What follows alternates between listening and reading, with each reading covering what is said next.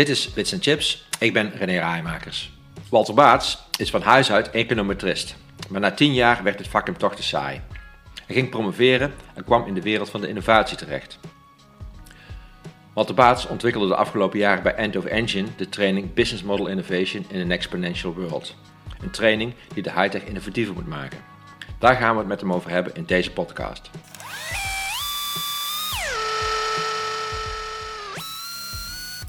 Walter Baats, welkom.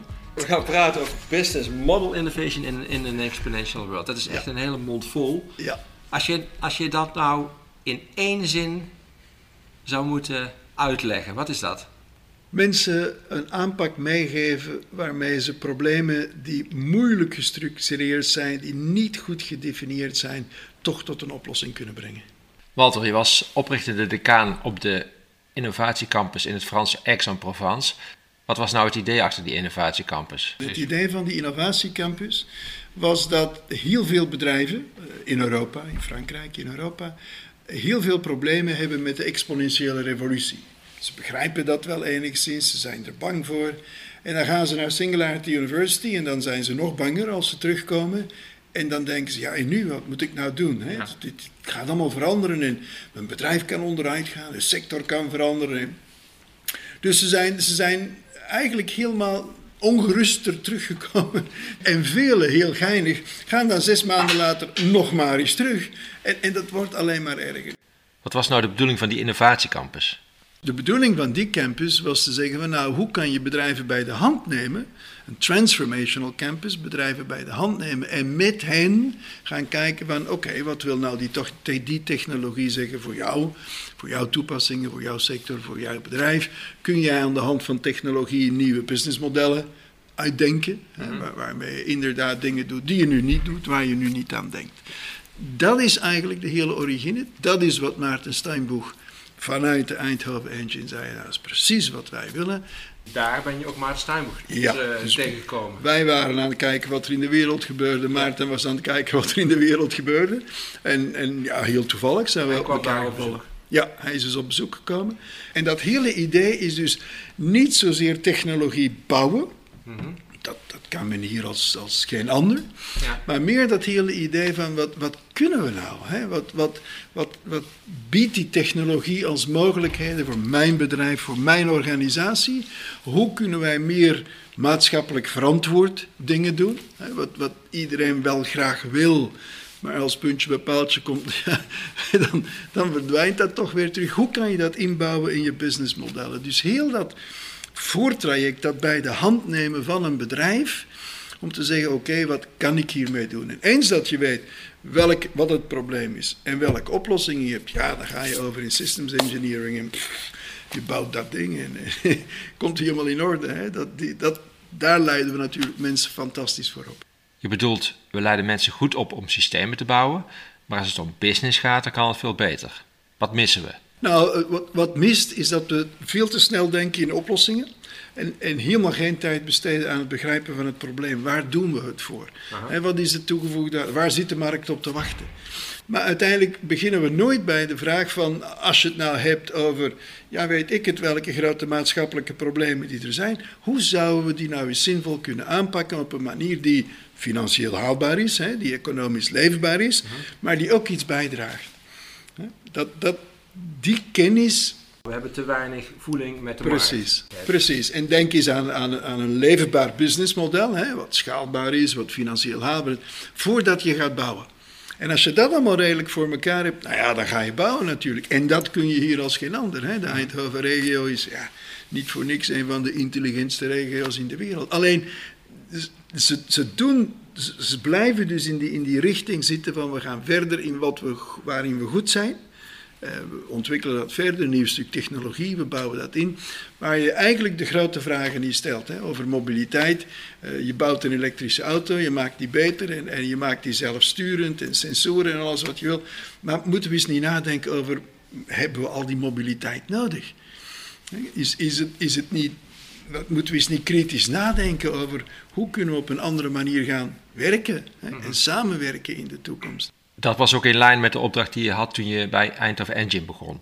Nou ja, mijn, mijn opdracht was dus dat, dat meer uh, marktdenken, dat meer bedrijfsdenken, dat meer probleemanalyse denken daarin te brengen. En, en dus uh, projecten en, en achteraf de hele Brainport regio meer vooruit te krijgen in dat, in dat bedrijfsmarktdenken. Mm -hmm. Dat, dat was eigenlijk de bedoeling. En dus van daaruit een, een, een, wat ik transformational journeys noem. Hè, want dit seminar is een transformational journey waar, waar je doorgaat als persoon hè, voor een transformatie van jezelf. En ook met een project. Hè, als een, een, transformatie van dat project. Om die transformational journeys hier aan te bieden. Eigenlijk, deze cursus is daar, nou ja. Ja, want nu hebben we het al over de training, de training, ja. over de seminars zoals je dat ja. noemt helpt? Zijn het nou, bedrijven of zijn het mensen? Je zoekt eigenlijk uh, zowel bedrijven die zeggen: God, wij, wij willen wel eens op een andere manier aan de slag gaan met een problematiek die, die we wel zien, maar die eigenlijk op niemands bordje ligt. Ja. Wat zie jij dat er ontbreekt en waar, waar bedrijven of mensen te weinig aandacht aan besteden? Nou ja, bijvoorbeeld als, als we een van de projecten nemen, ik wil ze nou niet met de vinger wijzen, maar, maar je neemt Nion, die, die zit erna te denken over energietransitie. Ja. Nou ja, wat, wat het leuke is, is dat zij proberen, heel moeilijk, wat zij proberen, de eindjes bij elkaar te brengen, techniek, sociologie, uh, maatschappelijke aanvaarding van de energietransitie, en, en dat samen te brengen in één project. Mm -hmm. Nou, dat is wat dikwijls mist. De meeste projecten zijn, zoals je net zelf zei, technologiegedreven projecten, oplossingen bouwen voor iets wat we, wat we redelijk kennen en wat we onder controle hebben. Mhm. Over het algemeen is, is, dat, is dat seminar wel gericht op technisch, technici en technische bedrijven, of niet? Ja, nou, a priori wel. Het, gaat er dus om mensen met een technische achtergrond, een technische opleiding, maar die toch iets meer willen verantwoord gaan denken over hoe kunnen we nou dichter bij de markt komen, uh, meer bij relevante problemen komen, voordat we in die technologie duiken. En dus de bedoeling is helemaal niet in de technologie te duiken in het seminar. Hm. De bedoeling is echt in het, het business model innovation, hè, zoals de titel natuurlijk ook keurig zegt, in die exponentiële wereld waar alles verandert hoe kun je nou zinnig over een zinvol businessmodel nadenken? Ja. En hoe gaan ze dat doen? Nou, dat is dus uh, in uh, acht dagdelen.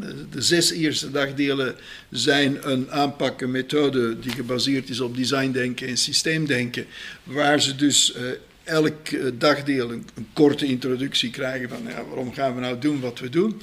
En dan over een concreet project met elkaar aan de slag gaan. Zodanig dat op het einde van de rit, dus na die, na die vier dagen, dat ze eigenlijk naar huis gaan als ze met één team van één bedrijf komen, met een oplossing voor hun problematiek.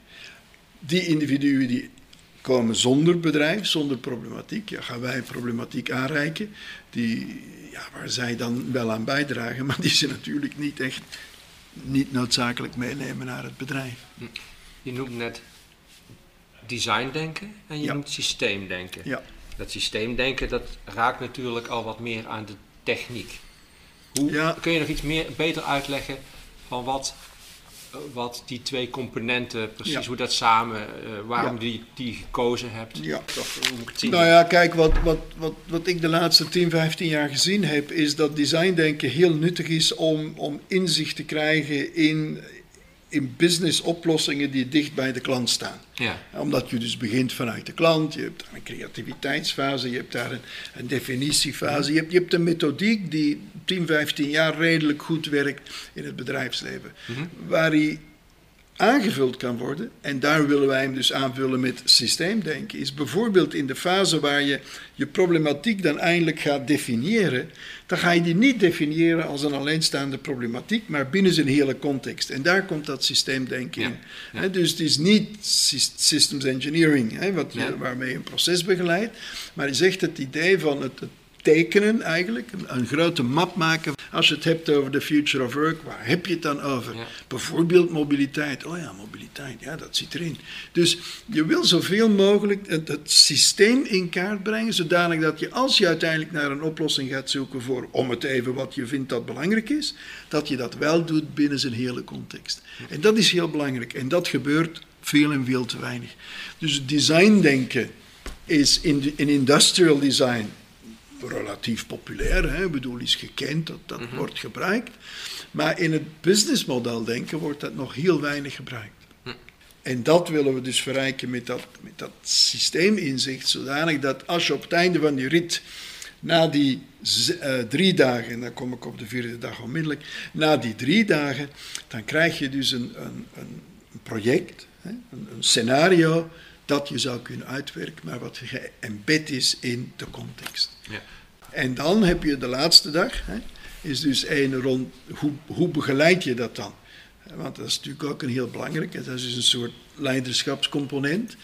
Hè, van, van als jij zo'n team rond Wicked Problems moet begeleiden. Een divers team, mensen met verschillende achtergronden. En weet, hoe doe je dat? Dus elke uh, sessie, hè, dus van de, van de eerste zes sessies, gaat elke sessie een korte inleiding hebben. 20 minuten, 25 minuten, mhm. waarin we eigenlijk de, de, concepten uitleggen die we daarna gaan toepassen, hè, die we gaan gebruiken. Zodanig dat als ze naar huis gaan, dat ze heel goed weten waarom ze iets gedaan hebben. niet alleen dat ze het gedaan hebben, zeggen, nou dat is leuk, ja, nou, daar moeten we zo over nadenken, dat kunnen we gebruiken. Maar ook goed begrijpen waarom doen we dat? En, en, en, en waarom werkt het? Hè? Wat, mhm. wat, is het concept daarachter? En dan gaan ze dus telkens maal in het tweede deel van elk dagdeel gaan ze dus aan de slag met een heel concreet project. Dan ligt er een heel concrete assignment die ze als groep moeten, moeten aanwerken. Nou, als je met een groep komt van één bedrijf, dan kan dat een problematiek zijn van je bedrijf. Als, dat, als je natuurlijk als individu komt, dan is dat een problematiek die, die wij geven en dus dat doen ze zes dagen, de, de, zes dagdelen, sorry, de laatste twee dagdelen, de laatste dag. Die gaat dan in op het leiderschap van die teams om te komen tot succes. Op wat voor soort mensen of welke functies is die training nou gericht? Je zoekt mensen die inderdaad voor het, het, voor het project, voor het technische project willen gaan denken. Die dus willen gaan denken aan nieuwe businessmodellen, mhm. los van technologie. Van wij als bedrijf, wat, wat kunnen wij eigenlijk voorzinnigs doen in deze wereld? Mhm. Dat is het soort mensen die je zoekt. Nou ja, in sommige bedrijven zijn dat innovatiemanagers, in sommige bedrijven zijn dat business developers. Uh, in een start-up is dat de hele start-up.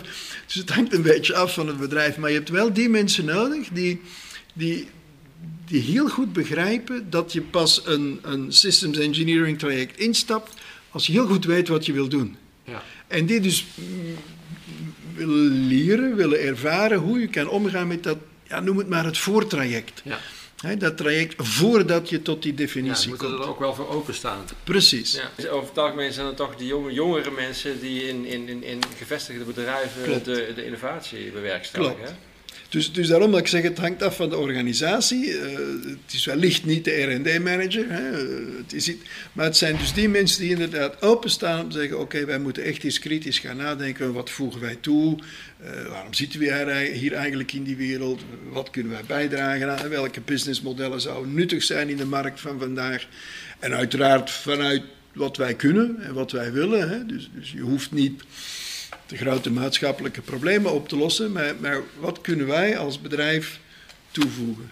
We hebben geen NatLab meer dat alles aanpakt. Dus we moeten het nu als ecosysteem samen doen. Ja, Eén ding wat erbij is gekomen is natuurlijk die exponentiële groei. Ja. Het staat hier op het gebouw. Ja, nou, en dat is dus wat, waarom Maarten de Eindhoven Engine heeft, heeft opgezet. En zegt, we moeten dat terug hebben.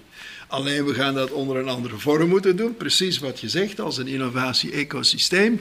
En in de realiteit van een exponentieel veranderende wereld dus omdat een aantal technologieën vandaag bestaan, ja, data science is natuurlijk de meest evidente, maar vandaag heb je technologieën, die we dan onder de noemer exponentiële technologieën hebben, die dingen toelaten die tien jaar geleden, vijftien jaar geleden absoluut onmogelijk waren. Nou, daar hoef je niks mee te doen, dat is mijn, mijn singularity verhaal, helemaal valt op mijn kop, oh boy, oh boy, maar daar kan je natuurlijk wel heel veel mee doen.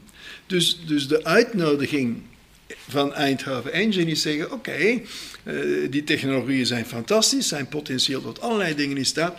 Wat kan je daar nou echt nuttig, zinvol mee doen? En, en ik, dat vinden wij een, een heel belangrijke vraag. En die vraag zit eigenlijk in die cursus. Wat exponentiële technologieën gedaan hebben, is die wereld vreselijk onzeker gemaakt.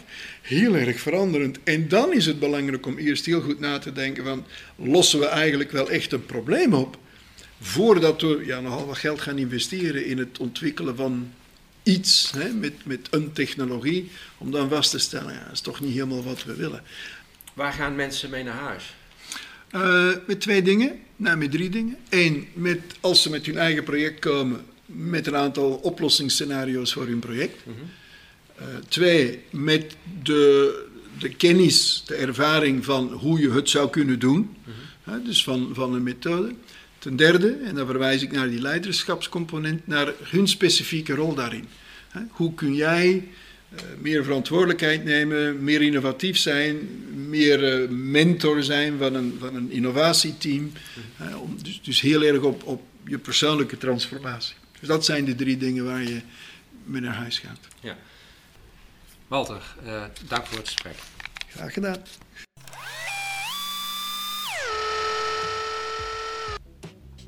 Dit was Bits Chips. Dank voor het luisteren.